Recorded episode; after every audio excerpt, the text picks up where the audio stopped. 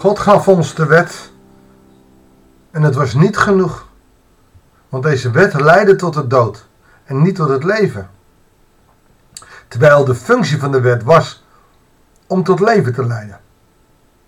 Omdat wij mensen met de wet niet kunnen omgaan. Te wettisch willen leven. Nieuwe wetjes erbij maken. Het zelf beter denken te weten. Doordat wij aan de wet niet genoeg hadden en de wet onze dood werd, hadden wij genade nodig. Daar kunnen we niks aan doen. Genade kunnen wij niks aan veranderen. Genade is er. Kun je alleen maar dank u wel voor zeggen. Heeft de genade dan de wet helemaal weggehaald? Nee, ze heeft een functie. Alleen anders dan wij mensen ervan gemaakt hebben. Goedendag, hartelijk welkom bij een nieuwe uitzending van het Bijbels Dagboek. We lezen in Romeinen 7, vers 1 tot met 12. Weet u dan niet, broeders en zusters, ik spreek immers tot de mensen die de wet kennen, hij spreekt de Joden aan, dat de wet alleen gezag over de mens heeft zolang hij leeft. De wet heeft straks in de hemel dus helemaal niks meer met ons te maken. Het is dus een, uh, een, een, wet die alleen uh, nu geldig is voor ons. Dan geeft hij een voorbeeldje. Een getrouwde vrouw is door de wet verbonden aan een man zolang hij leeft. Maar wanneer hij sterft is zij van deze verplichting ontslagen. Als ze zich zolang haar man in leven is met iemand anders inlaat, noemt men dat overspelig. Maar sterft de man, dan is ze niet langer aan de wet gebonden. Dan pleegt ze geen overspel wanneer ze de vrouw van een andere man gaat worden. Zo bent ook u, broeders en zusters, dood voor de wet, dankzij de dood van Christus en behoort u nu een ander toe. Hem die uit de dood is opgewekt. Ons leven moet vrucht dragen voor God.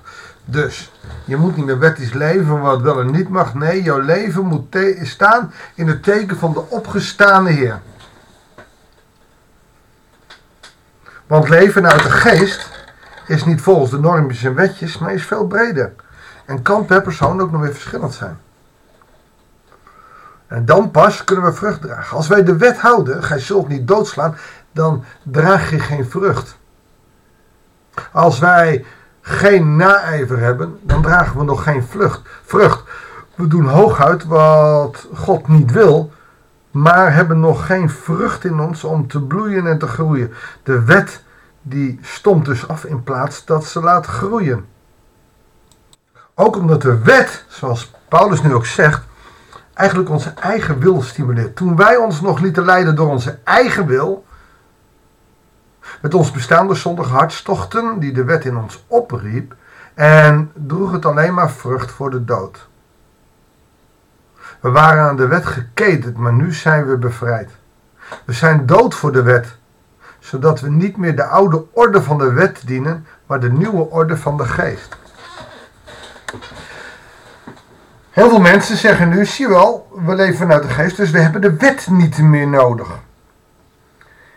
Nee, we hebben de dood van de wet niet meer nodig. Het wetticisme. Zo kan je bijvoorbeeld nadenken over, je niet doodslaan. Nee, ik heb nog nooit iemand doodgeschoten, gestoken of... Maar, en dan heb ik het heus niet over dat miertje wat je doodmaakt. Ik heb het over iemand doodzwijgen. Want als je in Deuteronomie kijkt bij Mozes, dan is doodzwijgen net zoiets als je zult niet doodslaan. En opeens wordt de wet weer levendig, maar hij maakt het dood.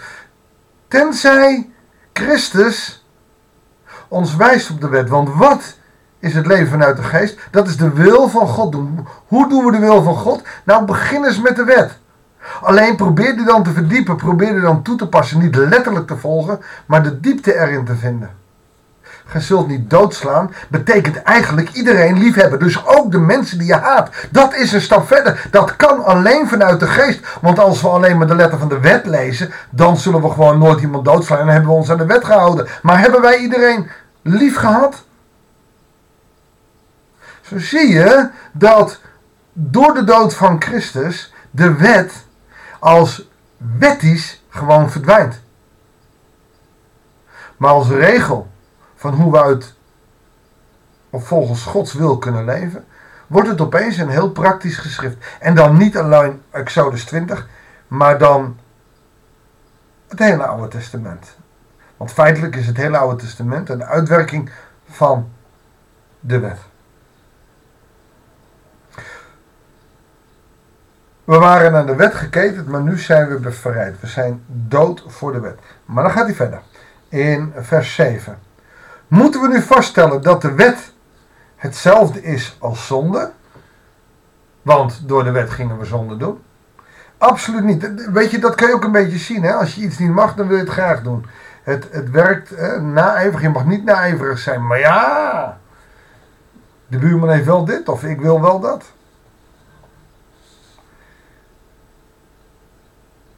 Nee, absoluut niet, zegt Paulus. Ik ben me echter pas door de wet bewust geworden van de zonde. Dus waar is de wet voor nodig om onze zonde te kennen? Hoe leven vanuit de geest? Dat is niet zondig gedrag. Hoe herken je zondig gedrag? Nou, denk niet dat de geest je alle antwoorden geeft. Daarvoor heeft de Bijbel gewoon de wet en de profeten ons gegeven. Ik zou immers niet weten wat begeerte was als de wet niet zijn. Zet uw zinnen niet op wat van een ander is. De wet heeft ons duidelijk gemaakt wat de wil van God is. Echter een beetje in een negatieve sfeer. Gezult dit niet, gezult dat niet. Dat is oude taal. Maar feitelijk moet je hem als een Jood lezen. Eert uw vader en uw moeder betekent niet alleen maar dat je respect moet hebben voor je ouders, maar dat je als ouders ook moet zorgen dat jouw kinderen jou kunnen respecteren. Waarom? Omdat je daarmee God eert.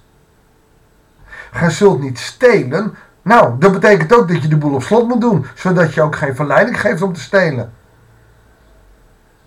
De tweede stenen tafel is telkens iets wat je aan een ander doet. Bijvoorbeeld echt breken, daar staat niet persoonlijk, je mag niet scheiden. Nee, je mag niet echt breken. Ik mag niet in een relatie van een ander inbreken door te stoken. Heb je al gehoord van nee, en je moet dat niet doen. je...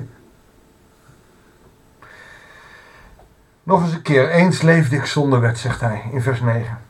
Maar door de komst van het gebod kwam de zonde tot leven. Het ging opeens leven. Ik wist wat zonde was. Maar door de zonde stierf ik. Het gebod dat tot leven had moeten leiden, bleek juist tot mijn dood te leiden. De zonde heeft gebruik gemaakt van het gebod. Dus de mens heeft door de zonde alles omgedraaid. Ze heeft mij misleid en mij door het gebod gedood. Kortom, de wet zelf is heilig en de geboden zijn heilig, rechtvaardig en goed. Maar ik, oftewel de zonde, mijn ego, heeft de wet tot dood laten leiden. Wij hadden door de wet in de zaligheid kunnen worden ontvangen. Wij hadden in de hemel kunnen komen door de wet. Maar omdat wij de wet verkracht hebben en er een wetticisme van gemaakt hebben en niet een oprecht geloof, zal het niet lukken om in de hemel te komen. Hebben wij dus genade nodig.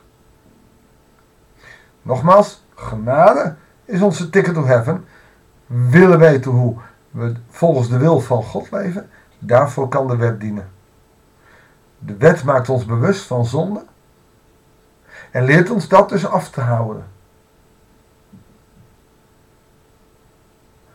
Nou, ik hoop dat je het nog kon volgen. Paulus is redelijk filosofisch, is ook wat cynisch en sarcastisch en hij zet het gewoon ontzettend scherp. En dat is typisch Paulus. Paulus is niet zo'n standaard Jood die het allemaal voorzichtig brengt, maar Paulus zegt, wacht eens even. We hebben het de laatste paar dagen gehoord. We gaan er morgen nog mee verder. Voor nu laten we het even hierbij. Dan wil ik heel graag met jou bidden. God, we moeten u danken voor de wet. Maar het spijt ons dat wij als mensen van de wet, die tot leven moet leiden, iets gemaakt hebben wat tot de zonde leidt. Toch hebben we onze zonde leren kennen door de wet, Heere God.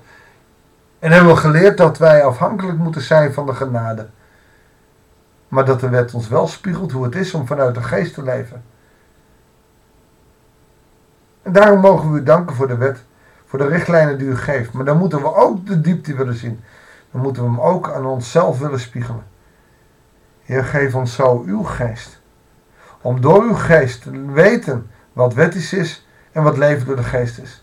Dat we door uw geest mogen weten wat u van ons in ons leven vraagt. Heer, dat bidden wij u in Jezus' naam. Amen. Dankjewel voor het luisteren. Ik wens je een hele goede dag. God zegen en heel graag tot de volgende uitzending van het Bijbelsdagboek.